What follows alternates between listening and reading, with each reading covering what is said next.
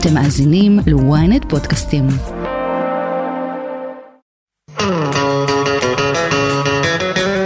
מחוץ לפריים, פרק חדש לגמרי, חנן בן ארי איתנו, אהלן. מה קורה? בסדר, כמה זמן חיכינו? לא יודע, מתי אתה סופר? לא, מהרגע שהזמנתי לראשונה. לא יודע, אתה מדבר עם הבוסים, עם הפרסייה, זה לא קשור אליי. לא, אז חיכינו, חיכינו הרבה אני שתגיע. דפקתי על הדלת פה מלא, אף אחד לא ענה. לא ענה, וחיכינו שתגיע, אבל עכשיו גם איחרת לנו, בואנה. מה, עכשיו אתה רוצה לפתוח את זה ב... ברור, בפומבי. ברור. למה איחרת? איחרתי. למה איחרת? קשה לתזמן את ה- את הזמנים בשעות האלה מפרדס חנה לתל אביב, כי ה-Waze מתחיל, אומר לך שעה, מהמם. וכמה זה נגמר בפועל? שעתיים. וואו, לקח לך שעה, כי הכביש 4. לקח לך שעתיים הוא להגיע? צובר תאוצה לקראת 4. רגע, והימים שלך בדרך כלל לחוצים כאילו, שאתה יוצא מפרדס חנה? בדרך כלל אני יוצא בשעות שאני מכיר, למקומות שאני מכיר, ואז בדרך כלל אין טעויות. רגע, בדרך כלל זה 50 דקות. מה זה שעות שאתה מכיר? 11. ב-11? אני לא יוצא לפני 11. למה? כי אני לא רוצה להתעסק עם פקקים. אה, כלומר, אתה מבחינת הלו"ז שלך... אני לא אקבע פגישה ב-9 בבוקר בתל אביב, גם לא ב-10. מהמם. 11, הכי- ב- אני יכול לצאת ב-10 מהבית, זה הכי מוקדם. הבנתי, כלומר, פקקים יש גם לחנן בן ארי. ברור, מה מה אני? מי אני? תג- איפה אני חי? תגיד, ונגיד קורה לך שאתה עומד בפקק ואז מזהים אותך ועוצרים אותך כזה. בפקק ברור, אתה יודע מה מפתיע אותי? שאנשים על כביש 6, על fucking כביש 6 במהירות, לא ננקוב בשמה, מזהים במאית שנייה.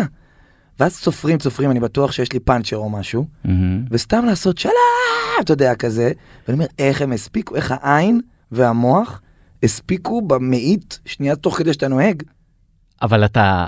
איך הם הספיקו לזהות? אבל מה שמעניין אותי זה האם אתה אה, כאילו חי את זה שיכולים לזהות אותך בכל רגע?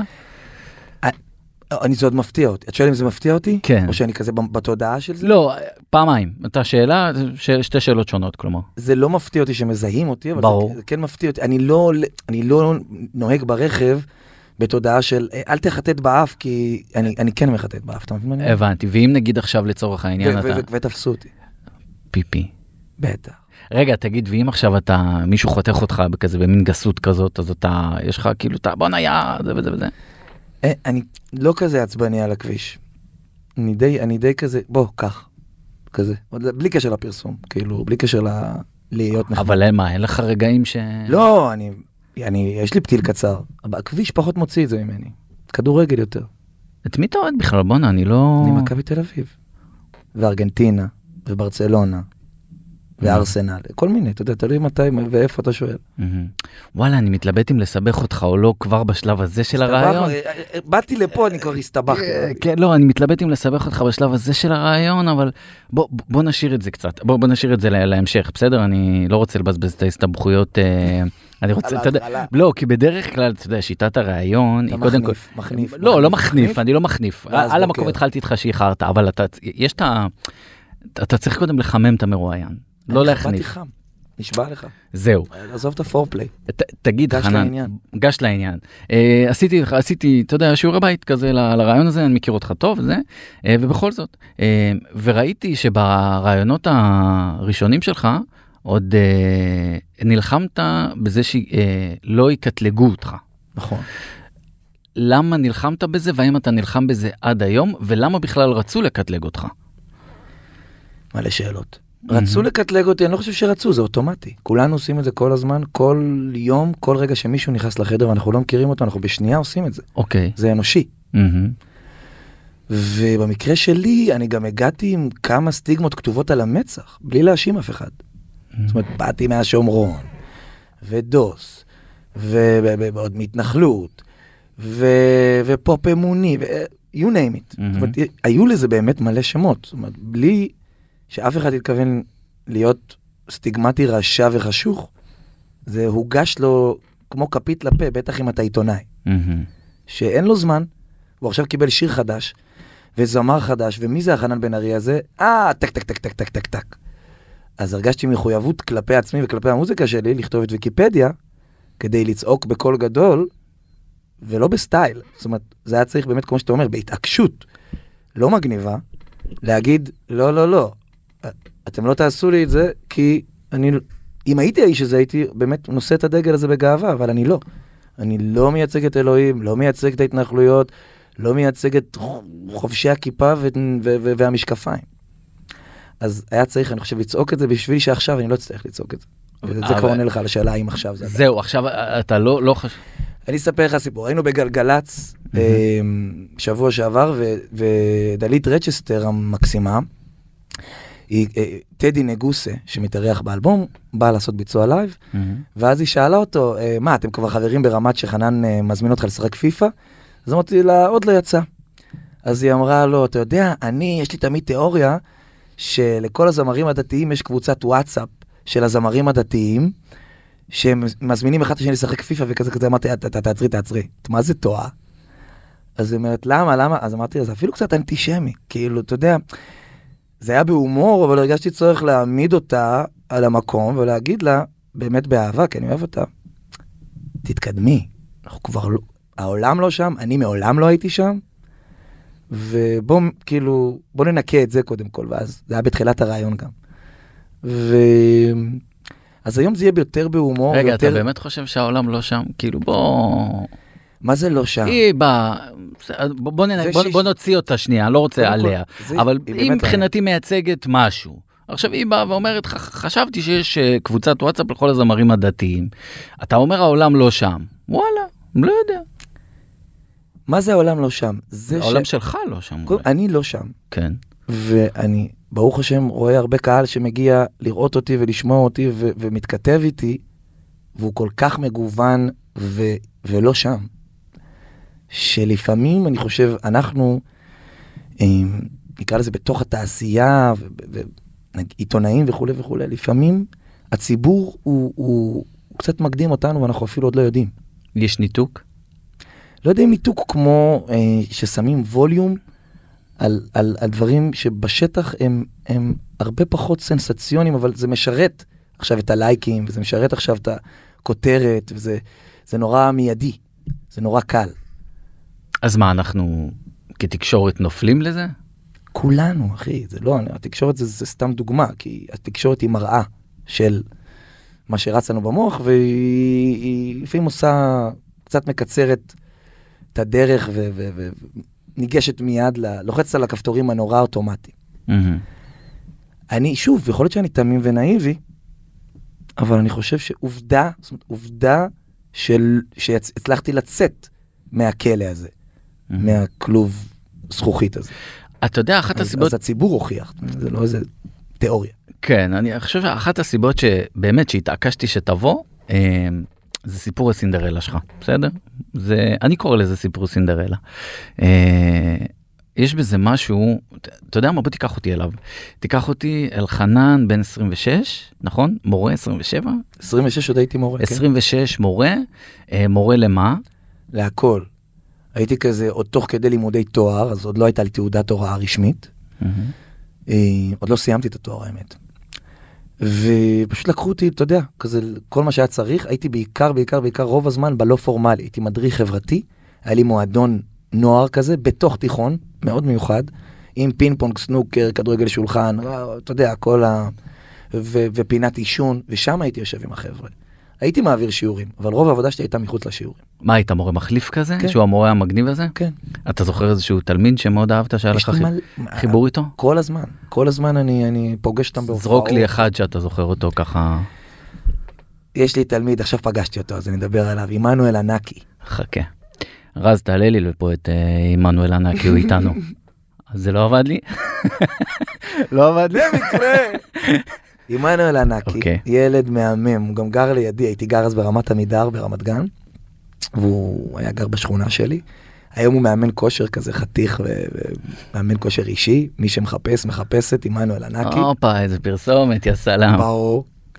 והוא היה ילד כזה שחיפש את המקום שלו, ו- וגם חברתית, והוא גם ז- זמר כזה, והייתי משתמש הרבה במוזיקה בשביל ליצור איתם את הקשר היותר עמוק. מהמם. הייתי כותב איתם שירים ו- ו- וממש מ- מדברר אותם, מראיין אותם על החיים שלהם, כאילו בשביל השיר, אבל על הדרך, אתה יודע, אתה מגיע לעומקים שקשה להגיע, אפילו לא... ב- ב-. זה זה היה תיכון רגיל כזה? זה היה תיכון מאוד מיוחד, תיכון הדר בפתח תקווה, שזה תיכון שהוא דמוקרטי. אה, ובעצם התלמידים לא מחויבים להיכנס לשיעורים, המון בחירה חופשית. הם לא מחויבים להיכנס אה, לא לשיעורים, לא לתפילות, לא... גם ברמה הדתית היה מאוד מאוד ליברלי, ומאוד מאוד אה, תבחר, אתה תבחר, אנחנו לא נבחר בשבילך, אנחנו נעזור לך לבחור הכי טוב בשבילך. ואז אתה, אתה יושב איתם בהפסקות ואתה כאילו החבר שלהם? סוג כן. של? כמו אח גדול. כי הייתי גם צעיר אז, הייתי, התחלתי שם בגיל 23, הם היו בני 18, אחי חמש שנים, זה באמת כמו אח גדול. ואתה ראית את עצמך מתקדם בתחום הזה? ראיתי את עצמי עושה את זה כל החיים.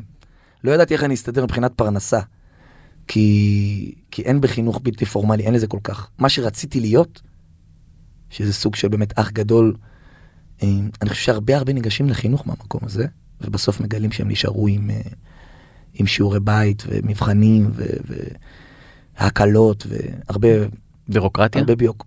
כן, כאילו מהחלום הגדול של להיות מחנך, ויש לי מלא חברים שחלמו וחולמים, וחלקם עדיין עושים את זה, אלה ששרדו, ובאו עם אידיאל, כאילו באמת, באמת מהלב. אנשים מוכשרים שקיבלו מעל 700 בפסיכומטרי ויכלו להיות כל דבר. זאת אומרת, זה לא, זה לא היה איזה מין אה, אז, ברירת מחדל. אז בעצם החלום שלך היה להיות מורה. החלום שלי היה להיות איש חינוך. וכשגיליתי שזה עובר דרך הרבה הרבה הרבה ביוקרטיה והרבה שעות שהם לא מה שאני רוצה לעשות, אבל הם כלולים בתוך המקצוע הזה שנקרא מורה, וגיליתי שהמוזיקה גונבת אותי יותר, את הלב שלי, אז, אז לקחתי מזה ברייק. אני, אני לא חושב שאני... אז אני כן רואה את עצמי עושה את זה מתישהו שוב. מה? פורש ממוזיקה והולך להוראה? לא יודע אם פורש, אבל עוסק ב... ב עם, מתעסק עם אנשים, נשמות. אני חייב להבין את הקטע הזה. אתה יוצא ללימודי הוראה בגיל 20 ו... שתיים? בגיל 22, 21 נגיד? 22, אחרי צבא. אוקיי, אה, אתה כבר נשוי, נכון? נשוי, אה, כבר עם ילדה. כזה, הריון, ילדה, כן. ומרוויח נגיד 6,000 שקל? משהו כזה? בחודשיים 6,000 שקל. וואו. נשוי עם ילדה 3,000 שקל. כן, הייתי, בשביל להשלים הכנסה, הייתי כזה עושה מחלטר בבר מצוות, בת מצוות. הייתי בא עם האורגנית שלי, עם המערכת הגברה. הייתי הדי-ג'יי, הקלידן, המנחה, הסאונדמן, וזה שמפרק גם את ה... לא היית. לוקח איזה ילד כזה ב-100 שקל? לא? הייתי צריך, את- אתה יודע, הייתי צריך את הכסף. עם כמה היית גומר את החודש, חנן? אמ, מה, מספרים עכשיו? אז, לא היום. לא יודע, שמע- 8,000 שקל, 9,000 שקל. ואתה אבא לילדה. כן, אבל אתה יודע שהסתדרנו? היינו מאוד מחושבים. היינו, באנו עם שיטת, אה, זה נקרא פעמונים, שזה חישוב ההוצאות הכנסות. ממש הלכנו, עוד לפני שהתחתנו, הלכנו ליועץ אה, התנהלות כלכלית. כי הסתכלתי סביבי, אני, אני, אנחנו שישה אחים במשפחה, ואני החמישי, אז היה לי, אתה יודע, עם מי ללמוד. והסתכלתי על האחים שלי, איך הם מתנהלים יפה, כלכלית, שהם לא מוציאים יותר ממה שיש להם. והאמת שזה מסבא חנניה, שאולי נדבר עליו, אבל הוא באמת כאילו המציא את השיטה הזאת. הוא היה מוציא בכל חודש מהבנק מעטפה עם, עם, עם סכום מזומן, וזה מה שיש לו באותו חודש. ואם נגמר המזומן, או שהמעטפה כבר, אתה יודע, זה, אז הוא מוריד, אז לא יהיה, אז לא יהיה השבוע אה, בשר. אנחנו נאכל אה, לחם ואבוקדו וטחינה, ובשבת נאכל בשר. כי אין. אנחנו לא נוציא יותר ממה שיש לנו. הוא מעולם לא היה באוברדרפט האיש. וגם אבא שלי ואמא שלי אותו דבר, ואנחנו השתדלנו ללכת באותו הדרך. אז אם לא היה, אז לא, אז, אז לא התפנקנו. אז לא יצאנו להופעות, אז לא הלכנו למלון, למלון, לא טסנו לחו"ל בחיים. מה, לא טסתם לחו"ל כזוג? בחיים עד מתי? בחיים. וואו. בחיים, אחי. בחיים. רגע, כולל עכשיו לא. טסנו לקפריסין לפני ארבע שנים. לשלוש שלושה ימים. פעם אחת. כן. וכמה זמן אתם נשואים? 15 שנה. חביבי. מה? אתה יודע, זה כאילו לא זה לא היה ב, ברשימת אה, רגע, חלומות. עוד- עוד- עוד נגיע, אני מכיר את הרשימת חלומות. זה הצחיק. אותי גם אל על, אתה מבין? זה כן, היה ש- כאילו, זה היה פיפי. טסת פעם אחת לחיים ואתה פרזנטור לא, של אלה. טסתי יותר. איתה, עם- אשתך. טסתי יותר להופעות וכזה. לא, אבל עם אשתך טסת פעם לא אחת לנופש. גם במשפחה שלי, כאילו, אבא, אמא, אחים, אחיות, רק לפני, לא יודע, שמונה שנים טסנו פעם ראשונה כמשפחה, רגע, רגע. ביחד לאיטליה. בוא, בוא נשים סוגריים. אתה, חנן בן ארי, מתי פעם ראשונה היית בחו"ל? באיזה גיל? בגיל אה, 17 טסתי עם ההורים שלי לפראג. מהמם. אוקיי, אני רוצה לחזור איתך עכשיו שנייה, אתה גיל 17 זה לא כזה מאוחר. לא, לא, ממש לא. לא, אה, אבל זה לא היה כאילו כל קיץ טסים ומתלבטים הר- לאיפה ולאיזה חופשת סקי. לא, הרסת פה סיפור טוב עכשיו, אבל רגע. אז גיל 30, פעם ראשונה לסיני. אבל אני רוצה להתעכב רגע על הרגע הזה שאתה עם אקסלים. אני זוכר שעשינו את אחד הרעיונות הראשונים שלך, סיפרת לי על האקסל הזה ונדהמתי, נכון. כלומר איך אתם מכניסים את ההוצאות וההכנסות בטבלה. באקסל כזה.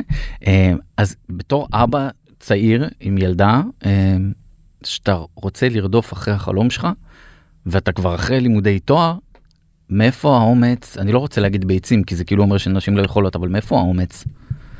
מה, כאילו לצאת לקריירה? להחליט שאתה מחליף, אה, אתה רודף אחרי החלום בגיל 28, 7. קודם כל, עוד לפני שכאילו התחלתי להוציא שירים שלי, אז, אז הייתי זמר חתונות מהמם. כמה שנים, והרגשתי פידבק טוב. זאת אומרת, לא, שאתה עושה מה שנקרא, איך זה נקרא, dive stage, שקופצים מה, מה, קופצים? מהבמה ל, אה, אוקיי. לקהל, מהמם. שלא עשיתי בחיים אגב. אז אתה, אתה צריך להרגיש שהקהל יתפוס אותך.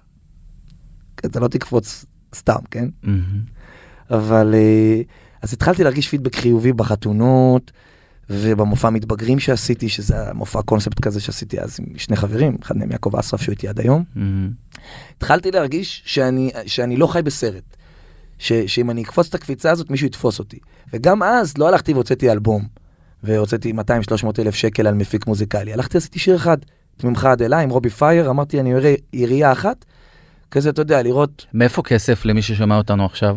אה, ו- ורוצה, כאילו, ואין לו את האמצעים. זה משהו שכן אמרתי, שאני אני, אני יפריש ויפריש ויפריש ויפריש, ולקח לי כמה חודשים, אני אשים את ה-10-15 אלף שקל, האלה, ואמרתי גם, אני זוכר אז להדס, אמרתי לה, גם אם זה לא יחזור, וגם אם יתברר שבאמת אני חי בסרט וזה הלך קיבינימט, זה שווה, זה ראוי, אפילו אם זה סתם תחביב מפגר, אתה יודע, אנשים מוציאים את זה על ריינג'רים, על טיסנים, על גלשנים, על דגים, אנשים מוציאים סכומים של 10-15 על תחביב. כלומר, מהמינימום שהשתכרת, הפרשת על החלום. כן.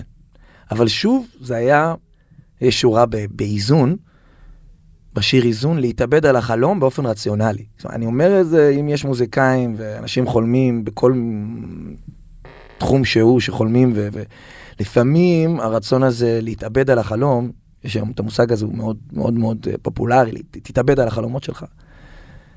אני עשיתי את זה מאוד step by step. זה היה נורא כן להתאבד, אבל, אבל לא משהו שיגמור אותי שאני לא אוכל לקום ממנו. אתה מבין מה אני אומר? כי אני אומר את זה כי יש כל מיני חברים וחברות שלי שאני מכיר, שעשו צעדים דרסטיים, ואחר כך לא היה להם איך לקום, באמת נכנסו לחובות קשים.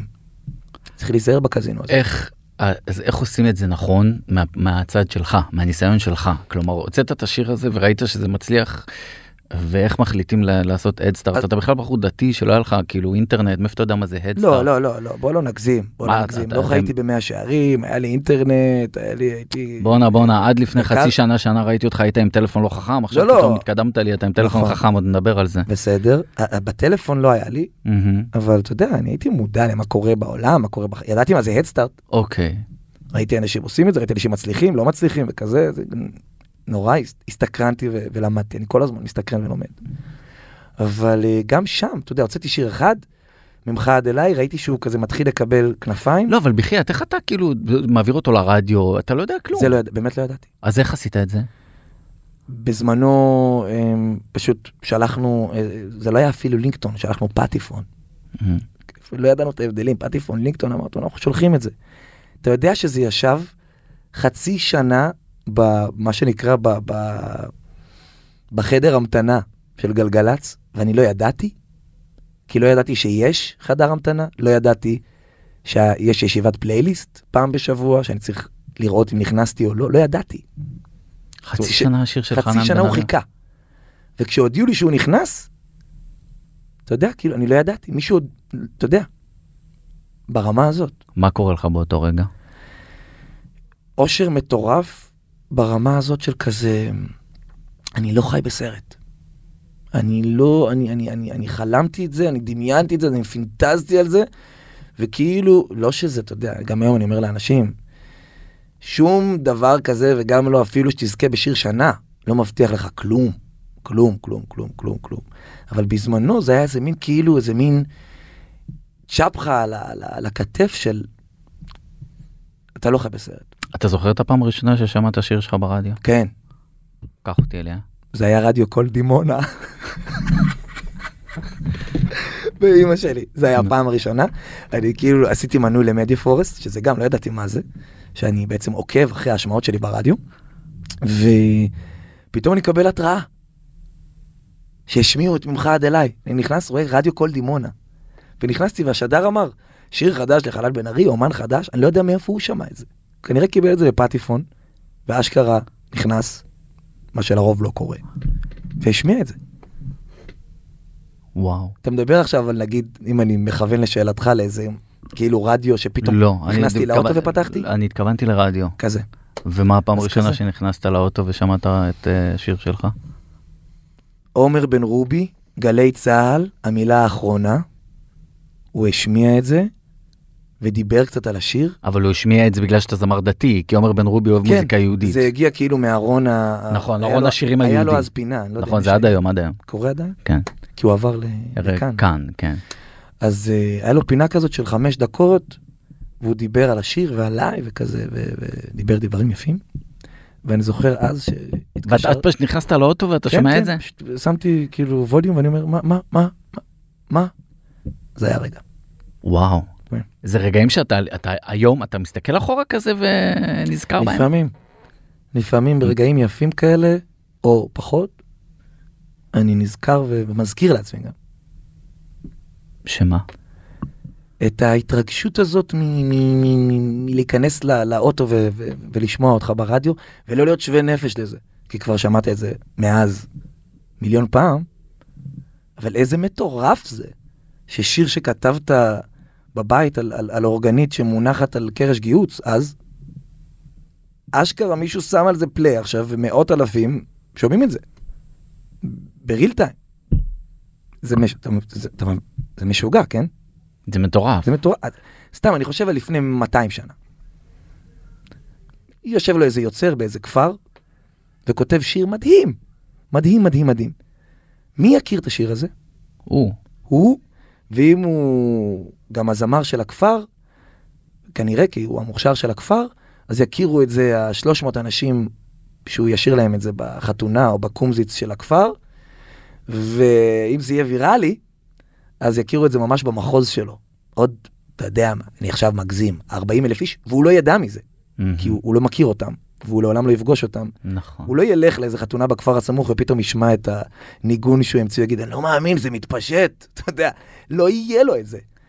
אתה יודע, אבל אותי מעניין, איזה מטורף זה. ההישג שלך, אותי, הוא מעניין, מהסיבה שאתה יצאת לדרך בלי יחסי ציבור, נכון.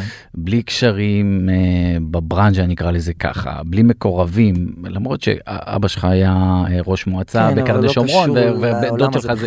ודוד שלך זה חבר הכנסת מיכאל בן ארי, חבר הכנסת לשעבר, אבל זה לא, היית, זה לא היה קשר, בכלל לא. וזה לא- פשוט לא- באת מאפס. לטוב, כן, אני היום מברך על זה, כי אם הייתי יודע, אני רואה היום המון חבר'ה שהם נורא מודעים. אתה רואה את החבר'ה שבאים לריאליטי. כן. פעם זה היה, אתה יודע, נינט וגבסו וזה, באו בלי סטייליסט, בלי רשימת נכון. שירים, בלי, נורא תמים. היום החבר'ה באים עם סטייליסטית, עם רשימת שירים ועם אלבום מוכן כבר, לרגע שהיא תסתיים התוכנית, ואתה יודע, חלק באים כבר עם מנהל אישי. נכון. אז אני נורא לא ידעתי. ואני חושב שזה היה טוב, כי אם הייתי יודע אז מה זה דורש, וכמה זה אפסי, כמה סיכויים אפסיים, שזה מכונת בובות בקניון יותר, יותר הסתברות שתזכה. אני לא יודע אם היה לי את ה... קראת לזה אומץ? היה משהו בחוסר המודעות שלי שהוא היה ברכה. הייתי תמים וטיפש ו- ו- ו- ו- ולא יודע. כשאתה היום, אתה היום בצמרת, אי אפשר להתכחש לזה, אתה אמרת מחניף, לא מחניף, זה עובדה, אין פה החנפה. היום אתה בצמרת, אה, לא בפסגה כבר הרבה מאוד זמן. אתה הוצאת עכשיו אלבום שברובו אתה מתייחס לרגעים הפחות טובים. כן. אתה מתייחס להפסדים. כן. למה חשוב לך עכשיו להתייחס להפסדים? כשאתה כבר בפסגה זה אומר שאתה אולי בטוח, זה אומר שזו תקופה שעוברת עליך. קודם כל זה לא שחשוב לי להתייחס להפסדים, חשוב לי כיוצר תמיד לכתוב את עצמי לאותה תקופה, וזאת התקופה שעברתי בשנתיים האחרונות. זה לא ש... הייתי מחויב לכתוב על ההפסדים. אם היו ניצחונות, הייתי כותב גם על הניצחונות, אתה יודע, זה מעורבב, האלבום אז הזה הוא למה מעורבב. הרגשת הפסדים בשנתיים האחרונות? או, זאת שאלה. אה, יעני עד עכשיו שיחקנו סנוקר. כן, לא, לא, לאט לאט. הבנתי. אני לא ממש יודע. זאת אומרת, אני יכול להגיד, יש לי כל מיני הסברים, אמ, אבל זה כמו, אתה אוהב כדורגל? ברור. פתאום- הפועל באר שבע לא רציתי לעצבן סבבה, לא, לא, אותך ברור ברור ברור. הרבה חברים שלי טובים אוהדים הפועל באר שבע, אז כן. אתה בחברה טובה. אמ, נדב יעקבי, אמ. דש. אמ, יכולה להיות קבוצה ששוטפת את המגרש מחצית ראשונה, מטורף. אתה אומר, זה הולך להיגמר, זוכר, היה ארגנטינה, ערב הסעודית. משחק ראשון במונדיאל, ארגנטינה גמרו אותה, מחצית שלמה, היה 1-0 ועוד 4 גולים שנפסלו. אמ. אתה זוכר את המשחק הזה? כן. משחק היסטורי. כן. הייתי בטוח שזה נגמר 5-0. סגרתי את הטלוויזיה, הייתי צריך לעבוד וזה. אני חוזר, 2-1 ערב הסעודית. מה קרה? ואין איך להסביר את זה. אתה יודע, מומנטומים בנפש, וגאות ושפל בנפש, ש, ש, ש, ש, שפתאום אתה, אתה, אתה, והכל קורה בחוץ, כמו שאתה אומר, הכל קורה. תמשיל לי את זה אליך. ההופעות מלאות, וקהל צורח את השירים, ו, ו, ו, ואתה מתחיל להתפרנס ו, ולקצור פירות גם במובן הכלכלי, וברוך השם, ובית, הכל קורה, הכל קורה. ובפנים אתה מרגיש שכלום לא קורה. והכל תקוע, והכל סתם, והכל לא מרגש, חוץ מכדורגל, והכל... הכל עוד שנייה ייגמר. ושיגמר כבר, יאללה. מי צריך את זה בכלל? כאילו משפטים רעים שרצים לך בראש, ואתה מנסה להבין מאיפה כדי לטפל בזה, ל- ל- להחליק את זה, לרפא את זה, ו- ו- ו- ואתה מתחיל ללכת לטיפול, ואתה מדבר, אני, אני, אני בן אדם שמדבר. אני לא בן אדם שאוגר ואוגר ואוגר ופתאום זה מתפוצץ לו. למדתי לדבר ולשתף ו- ו- ולפזר את העומס הזה בין חברים ואנשי מקצוע.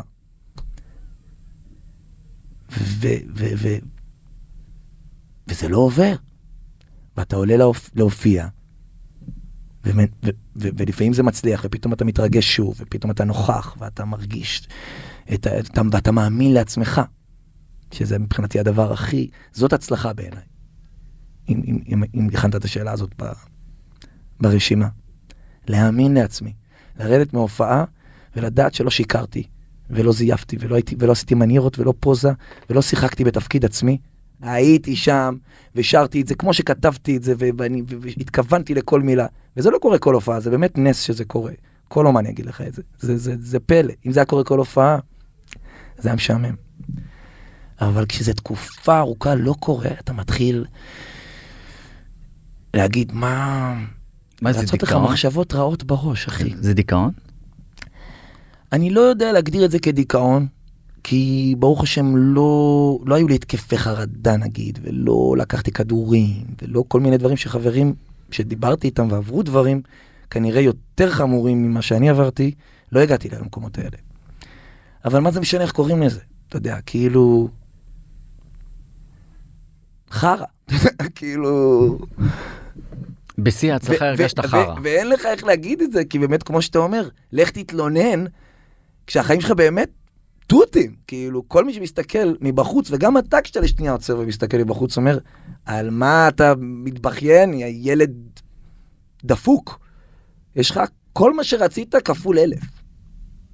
אלף. וגם אנשים בחוץ, כאילו, באמת, מה, כאילו, כולל המשפחה שלך, מה, מה, אבל מה חסר? תגיד, מה, נעזור, תגיד. וזה איזה משהו בנפש שהוא סוד, הוא באמת סוד, משהו בלב שהוא מסתורי ו... ו, ו שפתאום... לא, זה לא קורה. אתה אומר בשיא ההצלחה הרגשתי חרא? זה לא כל הזמן, וזה גם לא... אתה יודע, זה, זה, זה פתאום תקף אותי. חרא זה, זה מילה אפילו... זה מילה יפה. כי היא ציורית והיא בועטת והיא... יש איזו תקופה של, של... של איזה כלום. שהמוניטור כאילו... ישר. איך זה בא לידי ביטוי בהתנהגות שלך, גם כלפי קרובים, גם כלפי חברים? קודם כל תאר לעצמי של לא הכי נעים להיות ליד בן אדם כזה. כי בטח לא בן אדם שהתרגלת ממנו לאנרגיות מאוד מאוד גבוהות וכיפיות. ופתאום, מה קרה לחנן? כאילו, חברים שלי, אתה יודע.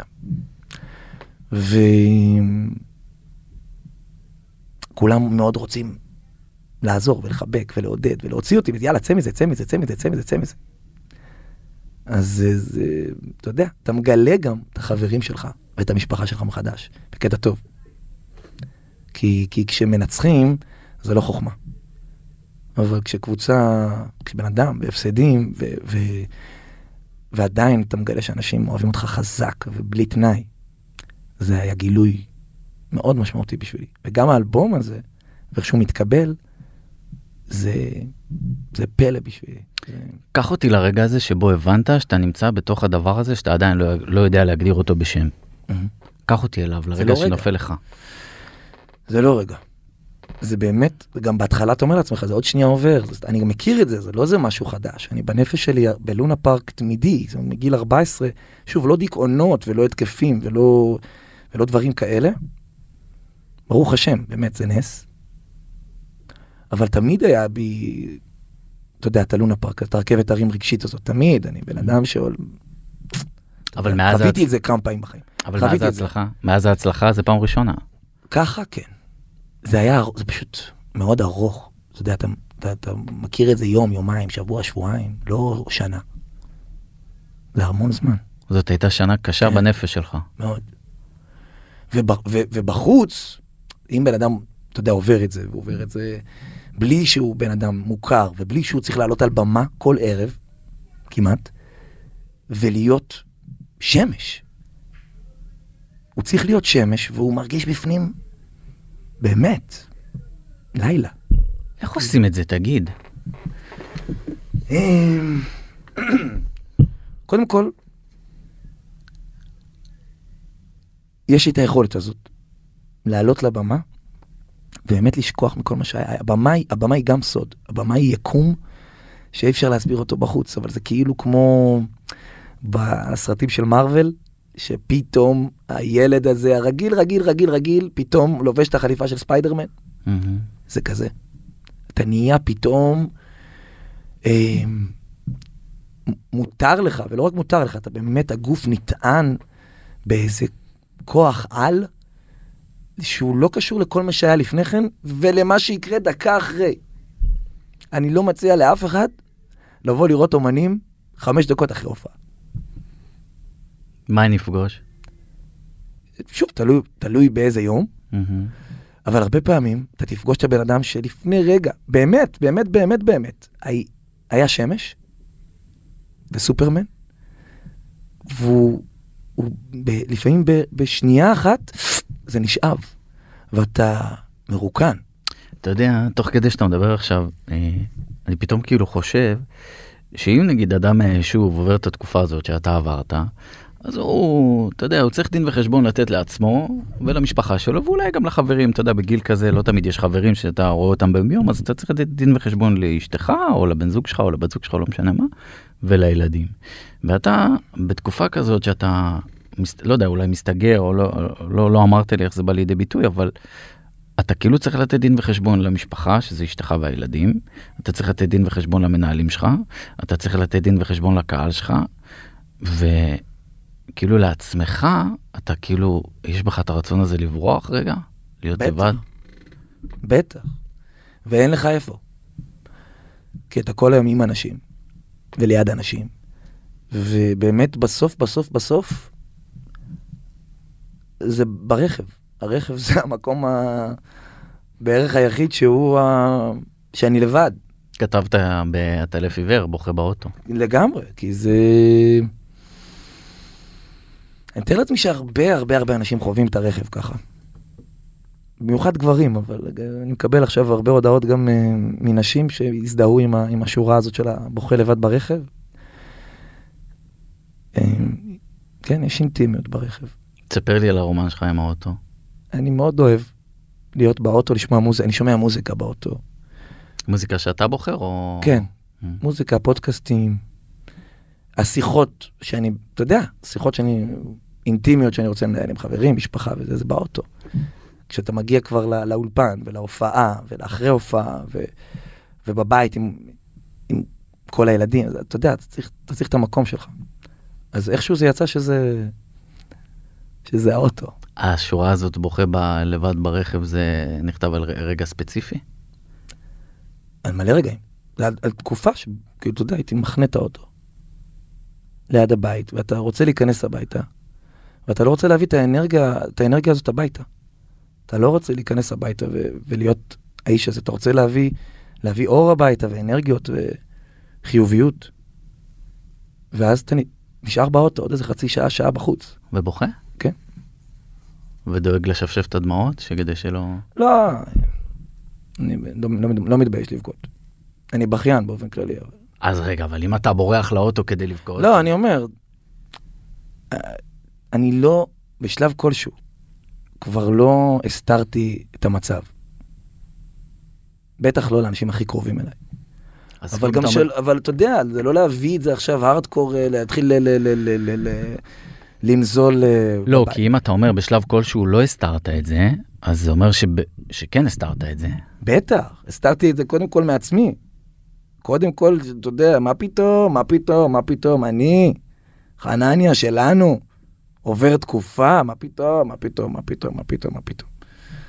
ואחרי שאתה מודד בינך לבין עצמך, עוד לוקח, גם אתה לא, אתה לא רוצה להתחיל לגשדר על זה ולברבר על זה, קודם כל כי זה יהפוך את זה ליותר קיים ויותר מוחשי. ברגע שעוד אנשים, וזה, כשאנשים כמובן מתחילים להתקשר לשאול מה שלומך, ואתה אומר די, די, די. כן, התקשרו לשאול מה שלומך? בטח, מה. אנשים, ברוך השם, אני סבוב ומוקף באנשים טובים שאוהבים אותי, ואוהבים אותי באמת, ואוהבים אותי אהבה עמוקה. אז וואי, התחלנו, ירדנו לקרקעית, בבי. אתה רוצה שנעלה חזרה? בוא נתחיל, אני כאילו, אני מרגיש שהאלבום הזה... הוא חשף אותך, תקשיב נשמה, אין מה לעשות. לא, לא, לגמרי, אבל, אבל באותה נשימה, הוא באמת הוריד ממני מלא משקל, כמו ספינה כזאת אה, בלב ים שצריך לזרוק אה, משקל כדי... אה, הסיפור הזה של יונה, שהם היו שם בלב ים והתחילו לזרוק מלא דברים וזה וזה, בסוף זרקו אותו גם. כאילו הורדתי מלא משקל. ומלא רמבה. מצחיק שאתה אומר הסיפור הזה של יונה, כאילו כל המאזינים כאן, מה זה בקיאים? בוא תספר לי את הסיפור של יונה רגע. לא אמיתי. האמת שהסיפור של יונה, זה, מחזיר אותי לשאלה הראשונה שאלת, על, ממך עד אליי. קדימה בבקשה. כן, שיעור תנ"ך להמונים? כן, לא צריך להגזים, אז היה פה גרסה סובר, בוא, זה, לא להגזים. חפר לך את הרבי? לא, אבל... לא, בקצרה, כן. אלוהים, שואל, אלוהים מתגלה ליונה, יונה היה נביא, והוא אומר לו שילך לנינווה, שנינווה זה לא, זה לא היה מדינה של יהודים, ויגיד לנינווה שאלוהים עומד להחריב אותה בגלל המעשים הרעים שלהם. Mm-hmm. ויונה לא רוצה ללכת להגיד להם את זה. למה? כי הוא אומר מגיע להם, שישרפו. הם באמת אנשים רעים, רשעים, שימותו. ואם אני אלך להגיד להם ולהזהיר אותם, יכול להיות שהם יחזרו בתשובה והם ינצלו מהעונש, ולא מגיע להם. ככה יונה אומר. Mm-hmm. הוא אומר, אני יותר חכם מאלוהים, בעצם. ואז הוא לא יודע מה לעשות, אז הוא בורח מאלוהים. ככה כתוב. הוא עולה על אונייה בנמל יפו. אשכרה ביפו? ככה כתוב, בנמל יפו. ובורח. כי, כי כתוב שהנבואה, אלוהים לא מתנבא מחוץ לישראל. בחו"ל הוא לא מתנבא. Mm-hmm. אז הוא אמר, אני אברח לחו"ל, אלוהים לא יוכל לדבר איתי, ואז אני, אני ככה אברח מהמשימה שאני לא רוצה לבצע. ו... זה הרטט שלך, כן. זה רטט כפרה עליך מטלפון טיפש ל... אימא שלי. משאית עשית לנו פה לשולחן. ישתיק אותו. תגיד לה שתחזור אליה, תענה לי אמא. היא כבר נתקעה. אה, טוב. ואז יונה, הוא חושב שהוא הצליח לברוח, פתאום מתחילה סערה בלב ים, אבל לא הגיונית. לא הגיונית, סערה מטורפת. וכל האנשי האונייה, המלאכים וזה וזה וזה, מתחילים להתפלל כל אחד לאלוהיו, זו תקופה של אה, עובדי אלילים, אז כל אחד מוציא את הפסל שלו ומתפלל, מתפלל, מתפלל, והוא לא מתפלל לאף אחד, כי הוא בורח מאלוהים. והם אומרים לו, תתפלל, נו, תקרא לאלוהיך, תתפלל. והם מתחילים לעשות הגרלה אה, כאילו עושים הגרלה בינם לבין עצמם, למה זה קרה להם? למה הסערה הזאת קרתה? הם עושים הגרלה, הגרלה, והוא יוצא כל פעם. מהמם. הם באים לזרוק אותו, כמו בשודדי הקריבים, הוא הולך על הכבש הזה של ה... לכיוון הים, והים נרגע. אז הם מחזירים אותו. עוד פעם מתחילה הסערה, עוד פעם, ככה באיזה פינג פונג, עד שהם בלית ברירה, זורקים אותו מהאונייה, והים נהיה שקט. ואז לוויתן בולע אותו, את יונה, מהמם. והוא נמצא בתוך הלוויתן כמה ימים, ושם הוא מתפלל לאלוהים, צועק לו, אומר לו, מה שאתה רוצה אני אעשה, טעיתי, אי אפשר לברוח ממך. ו... ובאמת, הלוויתן פולט אותו אל החוף. רגע, מה זה, זה, זה כאילו בתורה? זה כתוב, סיפור או מהתנ"ך, שזה- ספר יונה בבי, אני לא ממציא. מהמם. יונה. תן לנו, את ה- אתה יודע להגיד לנו את המיקום שלו בדיוק? הוא נמצא ב- בכתובים. לא ב- פסוק בקצה- ופרקים, בוא, מתקדמים ב- פה, אל ת... בקצה זה- התנ"ך. ב- לא, זה- זה ספר בפני עצמו. אה, אוקיי, תכתוב בגוגל יונה. אוקיי. הוא לא ארוך גם, זה ספר קצר, אתה גומר את זה בחמש, עשר דקות. מהמם. ביום כיפור, בתפילת מנחה, קוראים את, אה, את ספר יונה, מהמם. את כולו. אוקיי. ואז הוא נפלט אל החוף, הוא הולך לנינווה, הוא אומר להם שיחזרו בתשובה, הם חוזרים בתשובה, מהמם. כולם חוזרים בתשובה, ואחר כך, ואלוהים מוותר להם על העונש, ואחר כך הם חוזרים למעשים הרעים שלהם, מהמם. והוא מתבאס. אז מה, אז אתה רוצה להגיד לי שאתה תחזור לתקופה פחות טובה? רגע, לא, מאיפה התחלנו? כבר נבלעתי לתוך לא, הספר. אתה אמרת זה- לי, לא, אתה אמרת לי? שהאלבום שלך, תראה איזה, בואנה, איזה קשב ברמה גבוהה לא, לא. אתה, מפגין פה יכולות מאוד גבוהות. תודה רבה לך. תזכיר לי. לא, אתה אמרת שהתחלנו, שירדנו עמוק מדי, ו... ואז אמרתי לך, אתה רוצה שנעלה? אז אה, אמרת לי, אז- אני מרגיש שהאלבום הזה הוא ניקה אותי כמו דברים ש... כמו שזרקו את הדברים כן. מהספינה של יונה. זהו, ואז אתה כאילו ואז הים, ואז, חוזר. ואז הים שק. אני מתאר לעצמי, ואני כבר מקבל את זה, שזה יהיה לי כל החיים כנראה הלופים האלה. אתה יודע, זה, זה, זה, זה, זה כנראה לא יעזוב אותי. יש תקופות כאלה, יש תקופות רגע, כאלה. ובטיפול לא נתנו שם לדבר הזה? אין לזה שם, בבי. אם היה לזה שם, היה לזה כדור. מה אתה אומר? תשמע, אני חושב שכל אדם עובר, עובר, אתה חושב שזה קשור? לפסגה? כל כאילו אומן. שאתה היית בפסגה? לא, לא יודע אם במובן ה- ה- ה- הפשוט של אה, הוא הגיע לפסגה ו- ו- והקלישאה המוכרת. יכול להיות שכן, אבל אני חושב שבעומק של זה, כשאתה מגיע לפסגות, אז, אז נחשפים בפניך גם נופים חדשים, וגם אתה מבין דברים שלא יכולת להבין קודם. מעניין. כי נגיד המטרה שלך הייתה להרוויח, אה, להיות הכתב הראשי של אה, ynet. תישאר בבקשה להרוויח. אוקיי. נגיד שהמטרה שלך הייתה להרוויח איקס כסף. 10 מיליון, מהמם, ועשית את זה. מהמם. מה עכשיו? מה עכשיו? עשית את זה, סיימת. סיימת יותר מוקדם ממה שחשבת, כי אתה סימנת את זה לגיל 50 והעסקת את זה בגיל 30. מהמם. קיסריה. אה, לא יודע מה, לא משנה מה.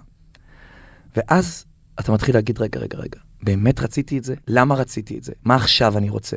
אוקיי, סימנתי וי על זה, עכשיו זה משחרר אותי לגלות מה אני באמת, באמת, באמת רוצה, כי עשיתי וי על כל מיני חלומות ילדותיים כאלה. לא, אני לא אומר ילדותיים במובן רע, אלא במובן, אתה יודע, משהו נורא נורא קמאי ולא, אתה יודע, עמוק, עמוק, עמוק, וסימנתי על זה וי.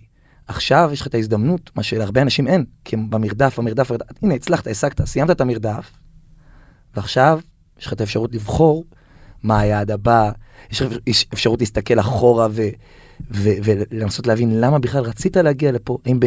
אתה מבין? זה כאילו מפנה לך, כן, אבל למה כל החלומות שלך קשורים בקריירה? לא, ממש לא. כי אתה לא אמרת, אני, אני, אני, ממש אני לא. אגיד לך על עצמי, בסדר? אה, כמו שאתה אמרת, אה, אמרת החלום שלך היה להיות הכתב הראשי ynet וזה. לא, אני מבחינתי, היה לי חלום להגיע אה, לפסגה מסוימת שבה אני משפיע על מספיק אנשים כדי להעביר את החלק מהדברים שאני מאמין בהם, אוקיי? וזה דרש הרבה מאוד עבודה והישגיות, וגם, אתה יודע, יש רגעים פחות טובים ויותר טובים. ו... אבל פתאום כשהבת שלי נולדה, אז אה, כאילו קיבלתי איזה פרופורציה אחרת, ופתאום החלום שלי השתנה. אז כאילו, אני חושב שנגיד הגעת ליעד שרצית, הגעת לאקס כסף, הגעת לקיסריה, הגעת למה שאתה רוצה, בסדר? הגעת לסיבוב הופעות בארצות הברית, הגעת לדיזנמו. החלום שלך זה לא כאילו השלווה מהילדים, החלומות שלהם, להגשים אותם, לעזור להם. ברור, ברור. אם זה ברור, למה לא אמרת לא. את זה? נת... ישבתי בשקט. לא. כשאתה מגיע, שאלת אם זה קשור להצלחה. אז זה קשור לפסגות. כן, אבל הצלחה זה אתה מחליט מהי הצלחה, לא אני. הצלחה זה דבר שהוא כל הזמן מתברר. הוא כל, הז... כל הזמן אתה מזקק אותו. אתה כל הזמן שואל את עצמך, מה זה הצלחה מבחינתי? Mm. ומה ש... כמו שאמרת, אתה הגדרת הצלחה X, פתאום נכון. נולדה ילדה, השתנה מו- מונח ההצלחה. נכון, חד משמעית. אז זה אני, על זה אני, על השאלה ששאלת, כן, זה קשור להצלחה, כי אני חושב שכשאתה מסמן ויים על כל מיני דברים שהגדרת כ... אבל למה לא ליהנות. מהוויים האלה? אתה נהנה מהם, אבל אצלי, ככה נולדתי, זה מיד מגיע עם מה הוויים החדשים. זו שאלה מעולה, למה אני לא מצליח לשהות במקום הזה, פשוט ליהנות ממנו. פשוט ליהנות ממנו. יש לי חבר, חבר, הוא בן, שיהיה בריא, הוא בן קרוב ל-80, והוא כזה, הוא גר בפרדס חנה, הוא שכן שלי, איתמר, והוא אחד מהראשונים של תלמידי ימימה, הוא לימד ימימה הרבה שנים. איש כזה, אני קורא לו דמבלדור, הוא כזה, אתה יודע, זקן, חכם, שיהיה בריא. ואני בא אליו כזה פעם, פעמיים בשבוע, בדיוק לספוג, לספוג את, ה, את הרוח הזאת, אתה יודע, של ה... והוא אמר לי השבוע משפט מהמם, הוא אמר לי, אנשים בורחים מהגורל שלהם ורודפים אחרי המזל שלהם, והם לא יודעים שהם לא יצליחו לברוח מהגורל שלהם והם לעולם לא יתפסו את המזל שלהם. והדבר היחידי שיש להם זה באמת להיות כאן, ברגע הזה. אתה לא יכול, לא כדאי להיות מונע מהפחדים של מה יקרה, או מהתקוות גם של מה יקרה, ולהגיד, אה, עוד שבועיים קורה הזה, אז יש לי סיבה להיות מאושר. או עוד שבועיים קורה משהו לא טוב. ככה היית בחייאת. ככה היית? היית אמרת עוד שבועיים יש לי את הדבר הזה ועד אז אני אהיה כאילו אני מרחם עליך אם ככה היית נשבע לך. קודם כל, ראוי שתרחם עליי, ואני חושב על רוב האנשים בעולם. אם אתה נמצא בתודעה יומיומית של עושר יומיומי, מכל רגע ורגע, אז אתה גורו, אני בא ללמוד אצלך. אתה אה, כל יש מלא בוקר פותח-. כל בוקר פותח ואומר תודה לאלוהים על הבוקר הזה, עם הריח הזה שיוצא לי מהפה, עם הקקי הזה שהילדה עכשיו עשתה, איזה אושר, איזה כיף, לא יכול להיות מדויק מזה. רגע, אני לא אתה צריך כלום? בחיים, אני לא צריך אתה ללכת לעבודה. הבוקר? איך אתה פותח את הבוקר? את הבוקר שלי, כן. איך שאתה איך שאתה פותח עיניים מה אתה אומר? מודה אני. תודה רבה. אוקיי, נו אז מה אתה מסתלבט עליי? אני לא מסתלבט עליך, אבל המרחק בין להגיד מודה אני לפניך, מלך חי וקיים, שהחזרת בי נשמתי בחמלה, רבה אמונתך.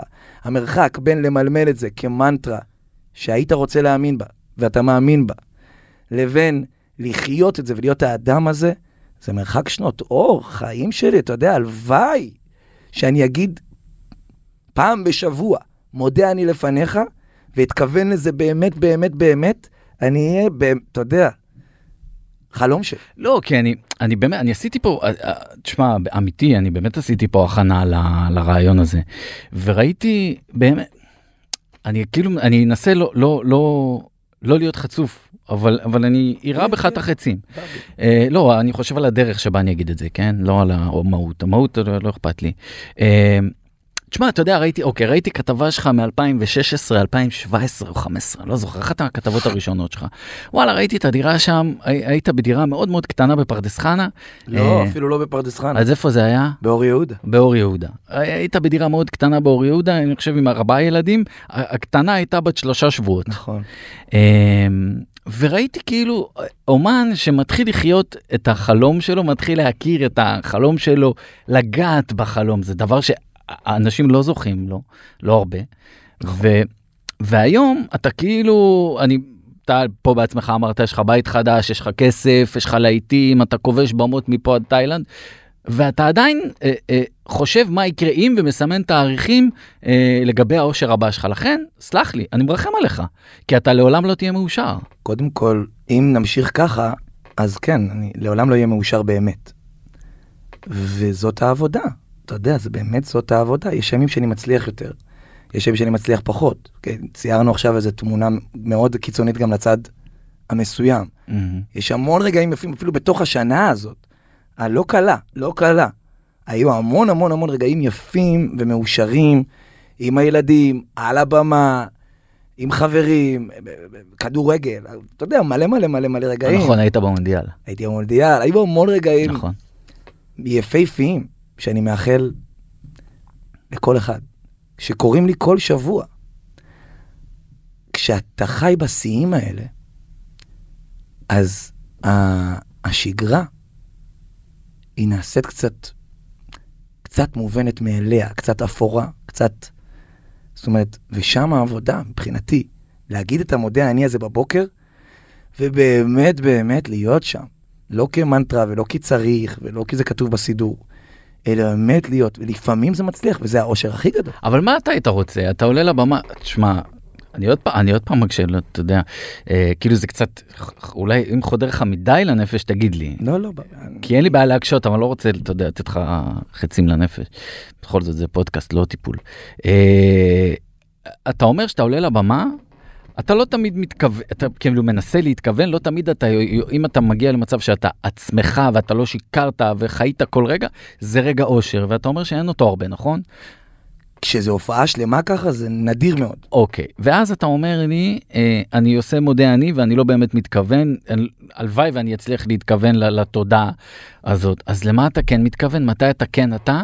אה, וכאילו, האם אתה לא חי קצת במין, לא רוצה להגיד שקר, אבל האם אתה לא חי, אתה יודע. אתה רוצה שאני אגיד לך את זה, דוך? כן. אחי, כולנו, לא רק אני, סליחה שאני עכשיו מכליל נו, את כולם. יאללה, יאללה. רוב הזמן לא, לא אמיתיים. לא מתכוונים למילים שאנחנו אומרים, באמת, באמת, באמת. למנטרות שאנחנו משננים, לא מול עצמנו ולא מול אחרים. הרגעים האלה הם רגעים נדירים, רגעים יפים, יפהפיים, זה מתנה מאלוהים. כשאתה מצליח להיות נוכח ברגע, כשאתה מצליח להקשיב לילד שלך באמת באמת, לא כי צריך, לא כי, כי, כי, כי, כי לא נעים לך, לא כי מסתכלים, לא כי... באמת, באמת, באמת, אתה מצליח לפנות הכל ולהיות בזון עם הילד שלך, או להיות בזון בהופעה שלך, או עם שאתה... זה... אני לא חושב שאני נדיר פה, או שאני היחיד שחושב על זה או מרגיש את זה. אולי אתה היחיד שאומר את זה? אני, אני, אני, יש לי את המוזיקה ואת השירים שאני יכול לכתוב את זה בהם, ואני יכול להתרפא דרכם, ואני אבוא לפה לפודקאסט ואני אגשדר לך, כן? והכל יהיה גם קיצוני מאוד, ואתה יודע. אני לא חושב שאני חי חיים שהם באמת שונים ממה שכל בן אדם מהשורה חווה כל יום, כולל אנשים דתיים שאומרים מודה אני, או מסורתיים. כן, אבל תמיד אתה שאומרים יודע... מודה אני כל בוקר. שיקום הבן אדם, באמת באמת. אני עכשיו בא ללמוד אצלו, עוזב את המוזיקה, חודשיים מתנזר איתו במנזר שילמד אותי. דלאי למה. שבאמת כל יום קם בבוקר בעיניים זורחות מאושר, ואומר מודה אני לפניך. אני מכיר כל מיני אנשים, רן רן, אני מכיר כל מיני אנשים דתיים, חילונים, עשירים, עניים, חכמים, דפ"רים. מעטים האנשים שאני רואה בעיניים שלהם שהם מאושרים. מעטים מאוד. וכשאני פוגש אותם אני נדבק להם לתחת, אחי. לקחת משהו מזה. איך אני יוצא ממך? איך אני אוציא אותי ממך עכשיו? איך תדבק לי לתחת עכשיו? קודם כל אני חושב שלהודות בזה, ש... לא- להודות בזה שאתה עוד לא שם, זה כבר, זה כבר התחלה, כי זה מאפשר לך להתקדם לשם. לא להיות באשליה.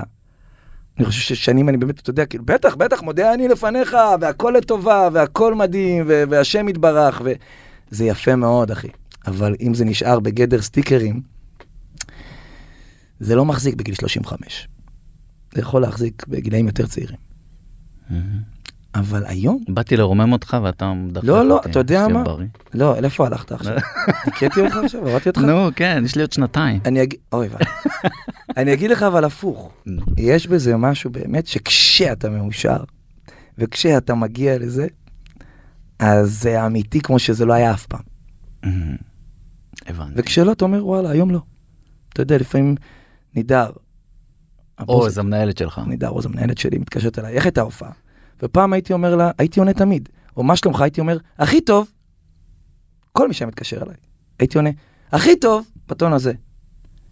ואנשים נורא צחקו מהתשובה הזאת, וזה עשה להם טוב, זו תשובה של אבא שלי אגב, אבא שלי תמיד עונה, הכי טוב, ושיהיה עוד קצת מזה. מהמם. ונדבקתי בזה, הייתי אומר, הכי טוב, הכי טוב, הכי טוב, הכי טוב. ופתאום אני אומר, מה הכי טוב? לא, אז אז לפעמים היא שואלת אותי, איך הייתה ההופעה? אני אומר לה, לא משהו. והיא אומרת, למה? כאילו, לא, לא, לא, לא הרגשתי, לא. אנשים היו מבסוטים, צחקו, אני לא, לא הצלחתי, לא, לא הייתי שם. אבל כשאני אומר לה, הייתה הופעה טובה, אתמול הייתה הופעה מעולה, מדהימה. אמ, אז המילים תופסות משמעות. כשאתה אומר למישהו, אני אוהב אותך, ואתה מתכוון לזה, זה כבר, אתה לא מפזר את זה. אתה מבין מה אני אומר? פעם, לא פעם, עד לא מזמן הייתי קורא לכולם, אהוב, אהוב, אהוב, אהוב, אהוב, אהוב, מה שלומך, אהוב, אתה אהוב, אהוב, אהוב, אני...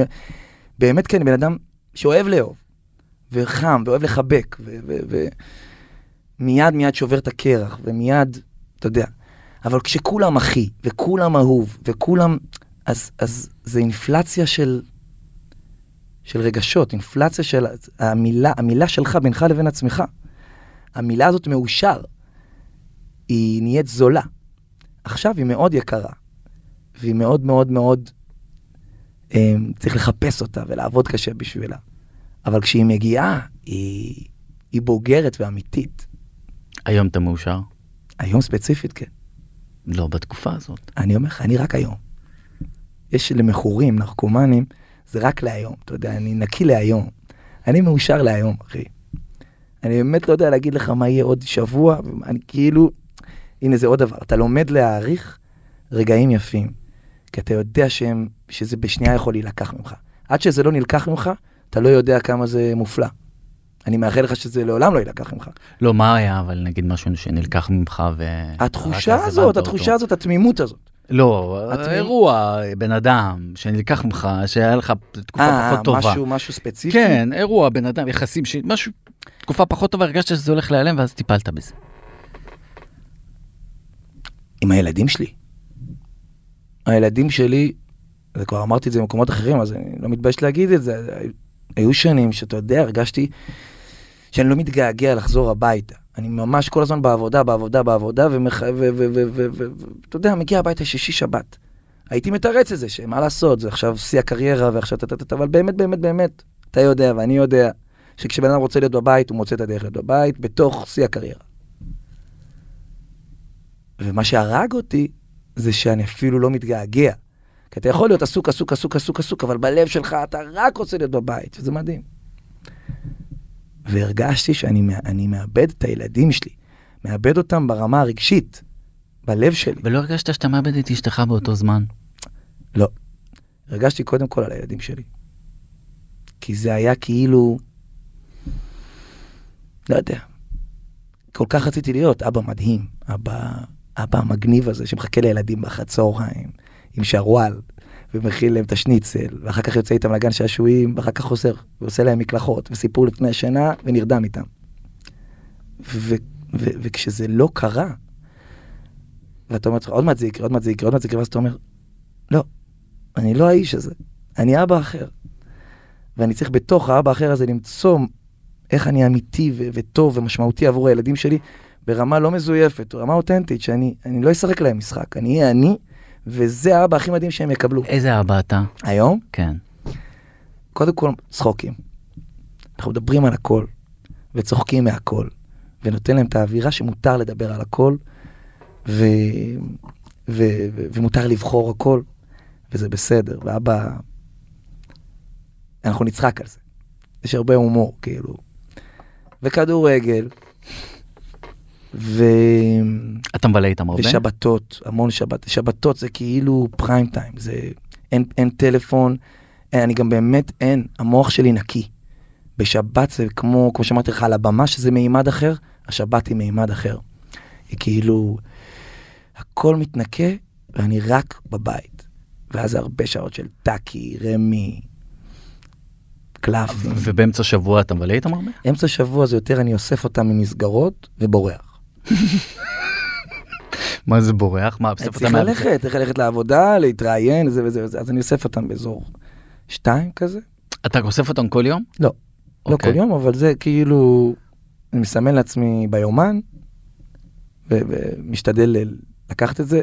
יש לי גם לפעמים, אני מפתיע אותם בתוך בית ספר, כי בערבים אני לא נמצא, אני צריך לגנוב את הזמנים האחרים. אבל תגיד, לא בא לך שנייה לעצור עם ה... כאילו להגיד, שנייה, אני היום בערב עם הילדים, לא רוצה את כן, יש ההופעה הזאת. כאלה, כן, יש ימים שאתה אומר אל תקבעו לי פה הופעה. יש כאלה, יש כאלה. אל תקבעו לי הופעה, או אל תקבעו לי הקלטות, או תבטל את הפיתוח קול, או תבטל. אתה מה שאני מרגיש, יכול לבטל, אתה מרגיש, אה, צריך להיות מאוד בטוח בקריירה ובמקום שלך, כדי להגיד, חבר'ה, אני רוצה היום מראשון עד שלישי. אה, קודם כל בטח, אחת המסקנות, טוב, זה באמת קלישאה, אחת המסקנות מהקורונה.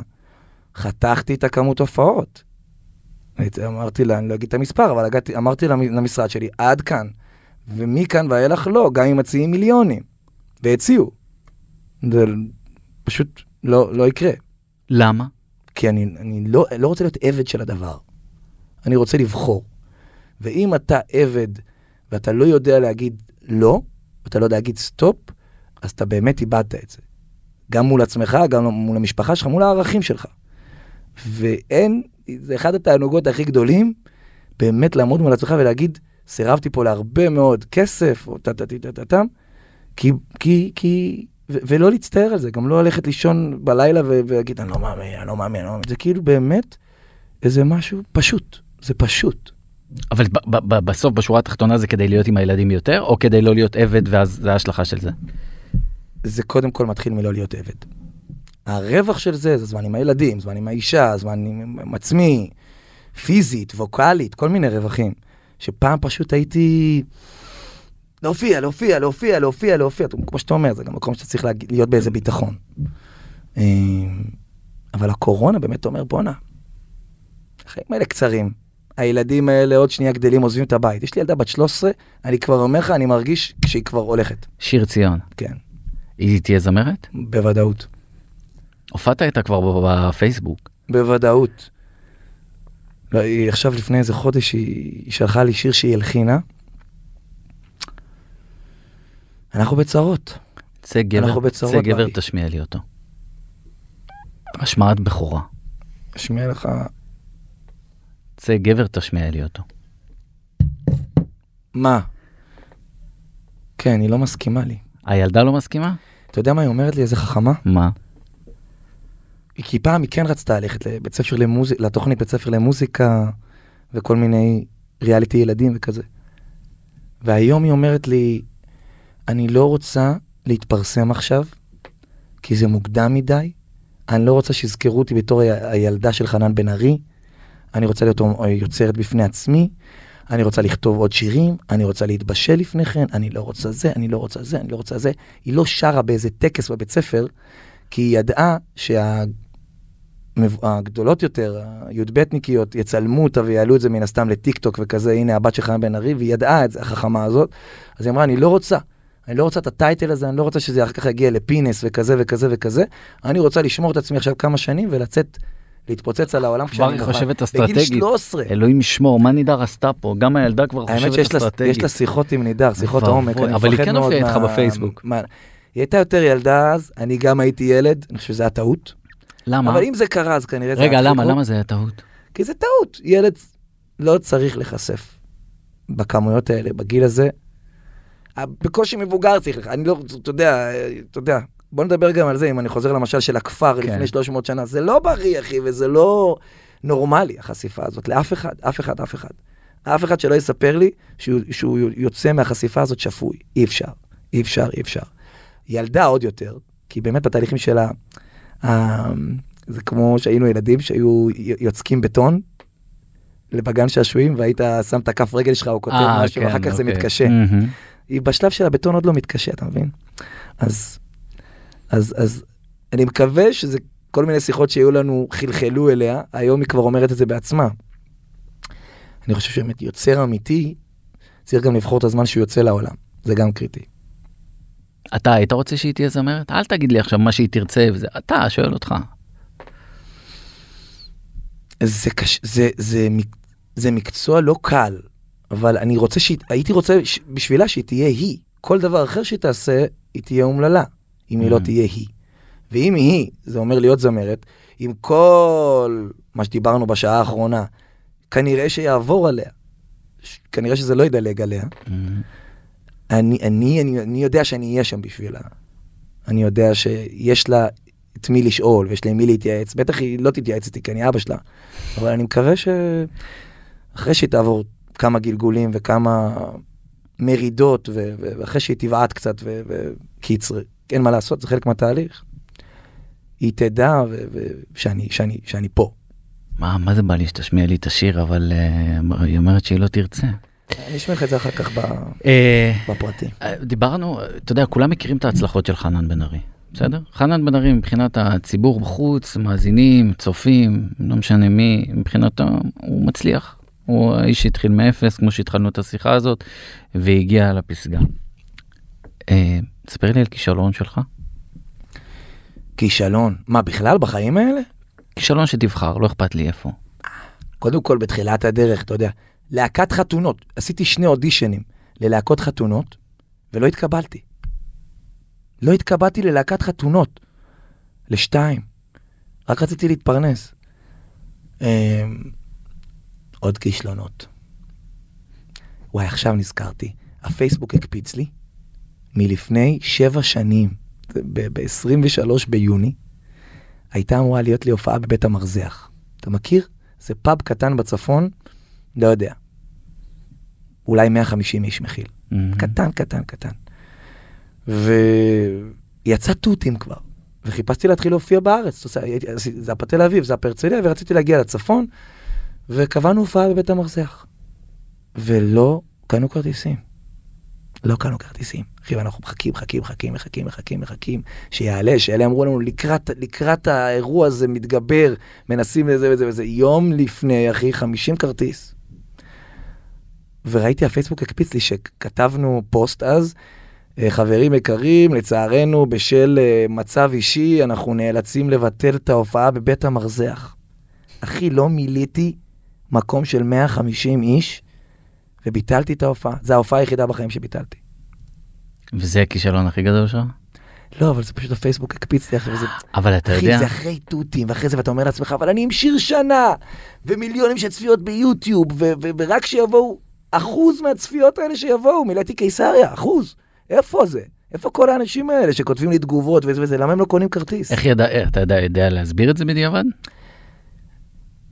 אני חושב שיש פער בין ה- ה- ההצלחה של שיר, אפילו שניים, שלושה שירים, לבין השלב שקהל מאמין לך וקהל מתאהב בך. כי קהל הוא לא מגיע בשביל השירים שלך, קהל מגיע בשבילך. ולוקח זמן, אני חושב, במקרה שלי, עד שקהל התחבר אליי והאמין לי. ככה, ככה אני הרגשתי. וזה השלב שבו קהל מוכן גם להכניס את היד לכיס ולקנות אתה יודע, אני עוד פעם שיפוטי איתך, מה לעשות? אה, למה אני מתנצל גם? באת לרעיון. שאלות קשות, יאללה, תקדם. אה, נינט טייב הייתה אצלי באולפן לפני, פה בוויינט, לפני לא יודע כמה שנים, והיא אמרה שהיא התחילה לעשות את הסיבוב הופעות בארצות הברית, אה, סיבוב הופעות שהיא עברה לגור בארצות הברית, ונמכרו שם בהתחלה כמה עשרות בודדות של כרטיסים. עשרות בודדים או בודדות, סופרים את העשרות, אז עשרות בודדות של כרטיסים, והיא עלתה להופיע כי מבחינתה כל אחד הוא עולם ומלואו, ואם הוא קנה את הכרטיס אז היא באה. אז יכול להיות שאתה קצת חוצפן שבשביל 50 איש לא עלית להופיע. זה לא היה זה, כמו שפחדתי, זה חוסר ביטחון, זה לא Mm. עודף ביטחון. פחדתי, ממש ההתחלה, שזה, שזה, שזה, שזה לא יקרה, שההופעה לא תקרה עם 50 איש, ו, והם יסבלו ואני אסבול. אמרתי, אני אדחה את ההופעה, ונעשה אותה שוב בעוד כמה חודשים. עשית אותה? חזרת לבית המרזח? לא, כי סגרו את המקום. אוי ואבוי. יאללה, כבר משהו- ראיתי בראש, חנן בן ארי. חוזר למקום שלא נמכרו לו אולי, כרטיסים. אולי זה קר... אולי נעשה שם. פסטיבל בית המרזח של חנן בן אולי ארי. נעשה שם כזה אינטימי, כמו שעשינו בסמטה ביפו. closure כזה, סגור, תעשה, תן איזה איך סיפור יפה. אתה אוהב, איך אתה אוהב אני לסגור את ה closure כן, תן. לנו את זה. בוא נקליל, נקליל ממש. יאללה. מה עם הפלאפון שלך? אני, היה לך לפני בערך חצי שנה פגשתי לא, אותך. היה לי עד לפני שבועיים. הופה. הנה, יש לך? סקופ. בבקשה, תודה. הוא הלך לאיבוד. הטלפון הישן שהיה לך טלפון הנוקיה לא הלך חכם. לאיבוד. מהמם. נוקיה, נוקיה. וזה, הפלאפון הזה היה אצלי ברכב. תראה לי בבקשה למצלמה. רז, מה המצלמה שלנו? מול? מול? תראה לפלאפון. או, חנן בן ארי עם סמארטפון. הפלאפון כותרת. הזה היה בחדר. באוטו. אה, זה גם לא. חדש, יא קמצן. לא, הוא לא היה, לא היה בו סים. היה בו ווייז, פנגו, ו... אינסטגרם. לא. לא, לא, לא, בלי אפליקציות, היה לו ווייז, רק, אה, ווייז, פנגו וספוטיפיי. אוקיי. להאזין למחוץ לפריים? לרכב, כן, מכור. ו... ואז כשהוא הלך לאיבוד, וכבר החבר'ה מסביבי צועקים עליי כבר שנתיים, שהם לא יכולים לעבוד ככה, כי הוואטסאפ שלי בעצם נמצא במכשיר של אשתי, ורק. כשאני מגיע הביתה, באחת בלילה, אני פותח, רואה הודעות משתיים בצהריים, שחיכו להחלטה, להתייעץ, רצו להתייעץ על משהו, על סרטון, על זה, על סטורי, אין אותי. מהמם. הם מתלוננים כבר הרבה זמן ואני משתיק אותם, טה טה טה טה טה ואני גם הזהרתי אותם. שברגע שיהיה לי סמארטפון, אני אהיה מכור והם ישנאו אותי. מהמם. וזה מה שקורה עכשיו. מה, וואה, איך זה קורה? מה, אתה חופר? אתה חופר? אני כל היום הזה, כל היום הזה, באינסטגרם, ורואה מי עשה זה, זה ממכר בבי, זה ממכר השיט הזה. ורגע, ואתה עונה ספציפית להודעות באינסטגרם? עד היום, רוב הזמן לא הייתי שם. לא, אבל היית נכנס. בלילה. אבל הייתי נכנס בלילה, אבל זה כמויות שאתה לא, אתה יודע, צריך מישהו שיעזור לך בזה. היום עונה לכולם. אתה, אתה יושב, אני עונה לכולם כמו מכור. ואתה עונה בס- ואתה עונה גם אני בסטורי? עונה בסטורי, אני עונה לכולם. ומעלה בסטורי גם? אני. עכשיו. אתה לא מאמין, אחי. שת... זהו, אחי, נגמרו החיים. ואני הזהרתי אתכם. שלא תגידו שלא הזהרתי, ושאלו למה אתה עם נוקיה, ואני אמרתי שברגע שאני אגע בחרא הזה, אין דרך חזור. עכשיו כולם יאכלו אותה.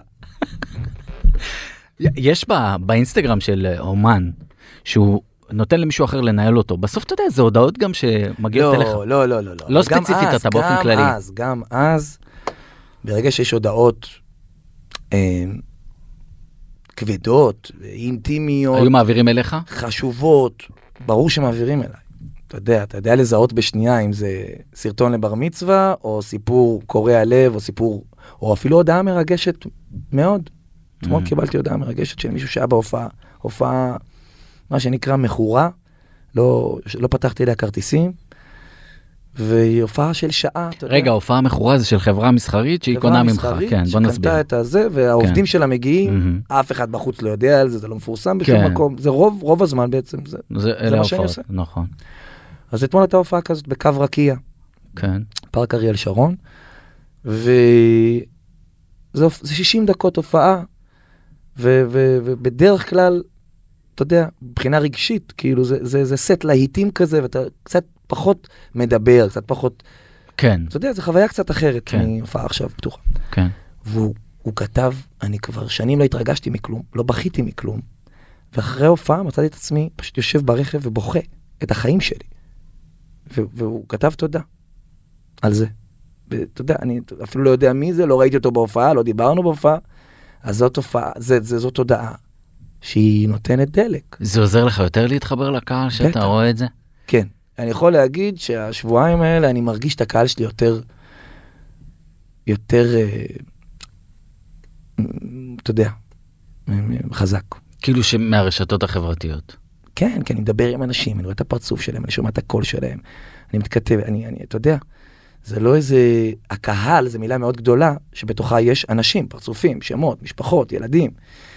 פתאום אתה, אתה מרגיש את זה, ו- ו- וזה, אתה יודע, זה כאילו, לדעתי אבל גם באיזשהו מקום עדיף לך את המצב הקודם. אמ, כי מה? כי אני חושב ש...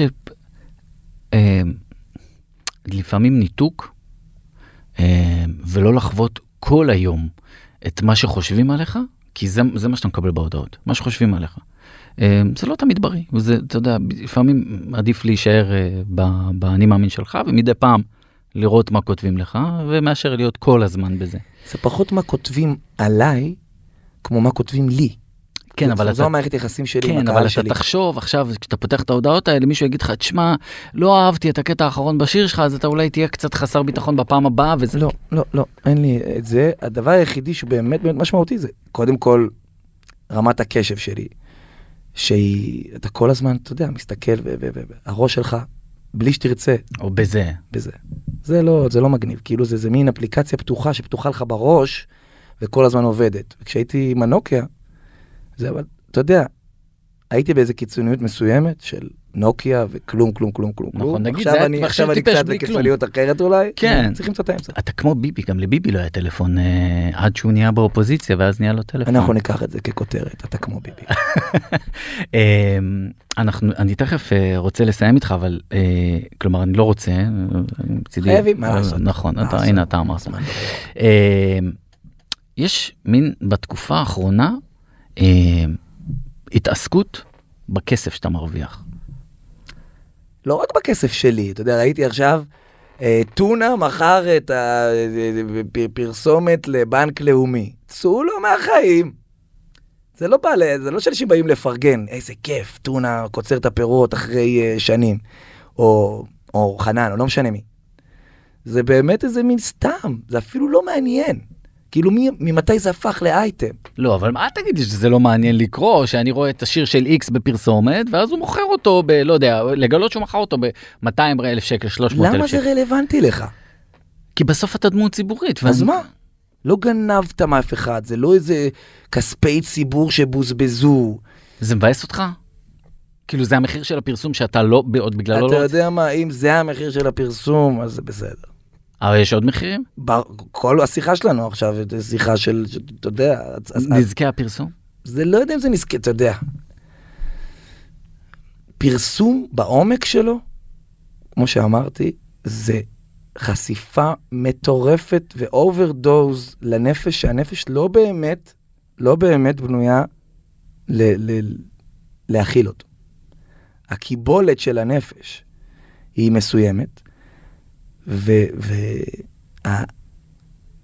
והעוצמה של החוויות, של הרגשות, של האהבה, של הלרלורים, של הכל, כל הספקטרום, היא מטורפת. ואף אחד בשום בית ספר ולא לא, לא יכול ללמד אותך ולא יכול להכין אותך לדבר הזה. אי אפשר, אי אפשר. אז זה כמו, כמו כל דבר, כמו שאתה לא תשתה תה עם עשר כפיות סוכר, פרסום והכרה וחשיפה, יש בה המון המון דברים מהממים, מהממים ומרגשים, ויש בה לפעמים את האובר, והנפש לא בנויה לקבל את זה, ואז קורים כל מיני דברים. אם אני מחזיר אותך אחורה ואומר לך שיכירו את השירים שלך ולא יכירו את חנן כהן, אמרתי את זה כבר אז. אה, כבר, כאילו, פעם עשיתי חוזה עם אלוהים, ואמרתי לו, רק שיכירו את השירים שלי, שלא יכירו אותי. היום להגיד לך את האמת, ברור שרציתי שיכירו אותי, ברור שרציתי להתפרסם, ברור שרציתי את כל זה וזה וזה וזה וזה, ולא הודיתי בזה, כי זה כאילו, מאיפה שגדלתי, זה כאילו, זה נלוז, זה, זה, זה בושה להגיד את זה בכלל. אז, אז לא אמרתי את זה אפילו לעצמי, אבל ברור, רציתי להיות מישהו שאנשים שהם פוגשים אותו מכירים אותו ויודעים מה הוא עושה ומתרגשים ממה שהוא עושה. רציתי להיות משמעותי, וכמו שאמרת, להביא איזה מסר משמעותי לכמה שיותר אנשים, ולהעיר ולשמח, ו- ובאמת להיות שמש. זה החלום שלי עדיין, עדיין, עדיין, עדיין. הייתי רוצה, אתה יודע, זה כמו, זה כמו דלק. דיברנו על, על, על, על, דיברנו על זה בעצם בשיחה ולא, ולא, לא נתפסנו על זה, אבל באמת, באמת זה מה הדלק שלך, נכון? דיברת על. מה היעדים, מה הדלק שלך. יש כל מיני סוגים של דלק, יש כל מיני סוגים של אנרגיות. ואני חושב שהרבה פעמים בהתחלה אתה משתמש ב, ב, באנרגיה, בחומר דלק שהוא הוא מדהים, אבל הוא משאיר בך הרבה פחם. מהמם. וכמו העולם היום שמנסה באמת לזקק את זה לאנרגיה יותר ירוקה, לחשמל, שתצליח להביא את אותה אנרגיה, אולי אפילו יותר, עם אפס פחם, או עם פחות פחם, שיישאר בך, זה משהו שאני מנסה לעבוד עליו עכשיו. שהדרייב יישאר דרייב, אבל לא של ילד, של... להיות מפורסם ומוצלח ועשיר. האמת שהשיר לא אף פעם לא היה ברשימות שלי, זה לא היה, זה לא היה אף פעם דלק. אבל כאילו, לשחרר את זה, לשחרר את זה, שהדרייב יבוא ממקום יותר נקי. איך עושים את זה אבל? המון, אני חושב שזה באמת, זה עבודה פנימית, זה עבודה יומיומית. להשתדל להיפגש עם אנשים כאלה, חכמים זקנים כאלה, כמו איתמר, אה, וללמוד תורה, חוכמה, אתה עדיין לומד תורה? כל הזמן. מה, הולך לשיעורים כזה או מה? הולך לשיעורים, עושה שיעורים אצלי, אתה עושה שיעורים אצלך, שיעורי תורה בבית. אצלך? כן. מי מוזמן? השכונה, חבר'ה מהשכונה. ואתה מלמד? כן. מה אתה אומר? כן. מתי עשית שיעור אחרון? בשבת.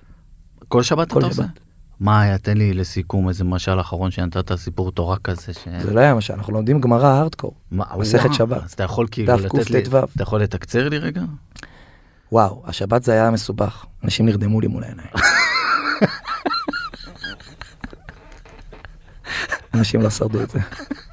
יש שיעורים, אחי, שהם כיפיים ומשלים וסיפורים וכולם עפים ומוצאים את עצמם בתוך ה... אתה לא- אבל אתה לא? יכול להכין את זה? מה? אני מכין את זה, אבל יש, אתה יודע, אנחנו עוברים על הסדר, לא תמיד מפנקים אותך בפיקנטריה, לפעמים בא מרואיין, לא מבין, לא מבין, אתה יודע, אתה צריך לעשות את עצמך כאילו אתה מתעניין, אבל זה לא מעניין. אז תן לי משהו אחד אחרון לסיום. נו, אבל משהו קליל, לא עכשיו אה, שנירדם פה. מה, משהו מהמסכת שבת או משהו כן. בכלל כיף? לא, מהמסכת שבת, בוא, תכניס אותי לזה. בואנה, הכיפה שלך נהייתה יותר קטנה או שאני מתבלבל? לא, מה פתאום. אוקיי. מה, אתה באת להלעיז? אה, לא יודע, באת לא? לא, עזוב, גם מקודם ראיתי בציציות, גם בכתבה הראשונה שלך היית עם ציציות ועכשיו אתה בלי. נכון, אני בלי ציציות. למה? אני לא רוצה לעשות דברים כי אני חייב. אני רוצה לעשות דברים כי זה מאיר לי, וזה מרגש אותי, וזה מחבר אותי, ואני שם באמת. אז אתה בכלל בלי? לרוב בלי, שבתות לפעמים אני שם. אוקיי. טוב, קח אותי, יאללה, נו, נשחרר אותך מזה. קח אותי למשל הזה ש... מהשיעור גמרא, מהמסכת שבת. וואי. לא, השבת היה שבת קשה. לא, אז קחתי משהו נחמד כזה. תשמע סיפור יפה. כן. שני חבר'ה, שהם לא חבר'ה, שני רבנים גדולים. אחד היה, הגיע מארץ ישראל, והשני היה בבבל. וזו התקופה שכל ה... כל החכמים גלו מארץ ישראל לבבל. ו... ואז הוא חיכה לו על גדות הנהר, כך כתוב, והוא הגיע, וכל המים עלו, צפו ועלו, בקטע לא הגיוני. ו... ואז הוא, וואו, זה סיפור ארוך, רן. אני אקצר. הוא, הוא אומר לזה שלידו, שמואל, שמואל אומר לזה שלידו, עומד להגיע מישהו ממש חשוב, לפי הגלים האלה. לך תבדוק מי זה. הוא בודק מי זה, מסתבר שזה רב. מישהו שקוראים לו רב, זה השם הפרטי שלו. מהמם, והוא אחד, הוא הכי גדול שיש. והוא הגיע מארץ ישראל לבבל. מהמם. ויש לו קלקול קיבה. היה לו כנראה מחלת ים, או לא יודע מה וזה. ואז הוא אומר, ל... ו- והם הם עושים לו אודישנים, בודקים אותו, אם הוא באמת ראוי להיות רב גדול, וטה-טה-טי וטה-טה-טם, והוא אומר להם, אני, אני חייב לשירותים. בגמרא, הכל כתוב. ואז הוא הולך לשמואל הזה הביתה, ושמואל אומר לו, אני אסדר אותך, אני... הוא היה גם רופא, שמואל הזה. והוא מכין לו איזה תבשיל מגעיל של שיכר עם, עם עוף, עם שמן, עם, עם, עם... קיצור, איזה מיקס כזה שאמור לעשות לו, אמור ל... לשלשל. מהמם, כל זה בגמרא, כן? מהמם. ואז הוא, הוא אוכל את כל התבשיל הזה, והוא שואל איפה השירותים, איפה השירותים, אף אחד לא אומר לו. כי שמואל אמר להם, אל תגלו לו, כדי שזה יתבשל לו בבטן טוב, טוב, טוב, טוב, ושזה יצא ממנו, זה יצא ממנו כמו שצריך. וזה מה שהיה, ואז כתוב שהרב התעצבן עליהם וקילל קילל אותם. הוא קילל את שמואל שלא היו לו בנים. וככה היה. מה המשל אבל? אתה רוצה לשמוע את, את כל העומק? המשל, תביא, כן, נו. וואו וואו. ראה, לא, אבל זה צליל, אתה במשל, ביקשת משהו קליל. בשתי שורות, אבל. אז תקשיב מה הרב קוק אומר על זה. נו. הוא אומר, אתה שומע פה סיפור על קלקול קיבה וטטטי וטטטם. זה, זה לא, זה לא זה. זה רק השכבה הראשונה. הוא אומר, רב, הוא גלה מארץ ישראל לבבל. שמואל כבר היה בבבל. שמואל חשב שצריך לסיים את הגלות הזאת כמה שיותר מהר ולעלות לארץ. כמו Mhm. שהיה את הוויכוח על הציונות. שהרבה חרדים אמרו, לא עולים לארץ ישראל. עד שהמשיח לא מגיע, אנחנו לא עולים, נכון? מהמם. והיו כאלה, גם דתיים, שאמרו, לא, אנחנו צריכים להביא את המשיח, אנחנו צריכים לעלות לארץ ישראל ואנחנו צריכים ליזום ולהיות אקטיביים. וזה היה הוויכוח ביניהם. ורב אמר, לא, אנחנו צריכים להתמסר לגלות, זה הזמן עכשיו. כמו, אתה יודע, יש זמן כזה שצריך להיות בלמטה, ולא עכשיו למעלה, למעלה, למעלה, לא, ת- תתמסר רגע לסכלה. זה לא יעבור עכשיו, תתמסר לזה רגע. ושמואל רצה כבר להוציא את זה, לשחרר את כל זה. מהמם. וזה היה, זה היה המשל של הבטן, הרבה פעמים, הרבה פעמים זה, בא- אני יש לי נגיד מלא בעיות בבטן, כי הנפש הרבה פעמים משתקפת בבטן. אז הוא רצה להוציא את זה לגמרי, ורב אמר לו, זה לא יעזור לך. זה לא יעזור לך. אם אלוהים החליט שעכשיו אתה תהיה בגלות, אם אלוהים החליט שעכשיו אתה תהיה למטה, ועכשיו אתה תהיה בשפל, ועכשיו אתה תהיה בהפסדים. יש גם עניין של להרפות, כמו במערבולת, שהדרך היחידה לצאת ממערבולת זה לא לשחות ולחתור עם הידיים, אתה רק תטבע. תיכנס רגע לתוך המערבולת, תצלול לתוכה ו- ותצא משם. ובכך נסכם את, ה- את כל וואו. השעה הזאת. לא, תקשיב, אתה בעצם קיבלת את התשובה שלך. אה, דרך אתה- ה- אתה- דרך הקלקול קיבה של רב אתה נתת ושמואל. לעצמך את התשובה שאיתה התחלנו את הפודקאסט הזה. הבנת? אני הבנתי, אתה הבנת את זה? אני הבנתי. חנן בן ארי, אה, וואו, אז אה, נגיד לך תודה רבה רבה שהיית איתנו. אה, היה מעניין, ואני משחרר אותך לאכול. אנחנו נגיד תודה רבה לעורך שלנו רז גרוס, אה, ותודה רבה לטכנאי שלנו תום חלד. אנחנו רק נזכיר שאם הצלחתם לשרוד את כל זה, וואו, וואו, וואו. אם הצלחתם לשרוד כל זה, אז אתם חברים שלי, דברו איתי באינסטגרם, זה אני. אני אענה לכם. אם הצלחתם לשרוד את כל זה, אז תעשו לנו מנוי ותעשו לנו עקוב אחרי, אחרי הפודקאסט אה, באפליקציות הפודקאסטים השונות, ותודה רבה לכם, מחוץ לפריים. תודה חנן.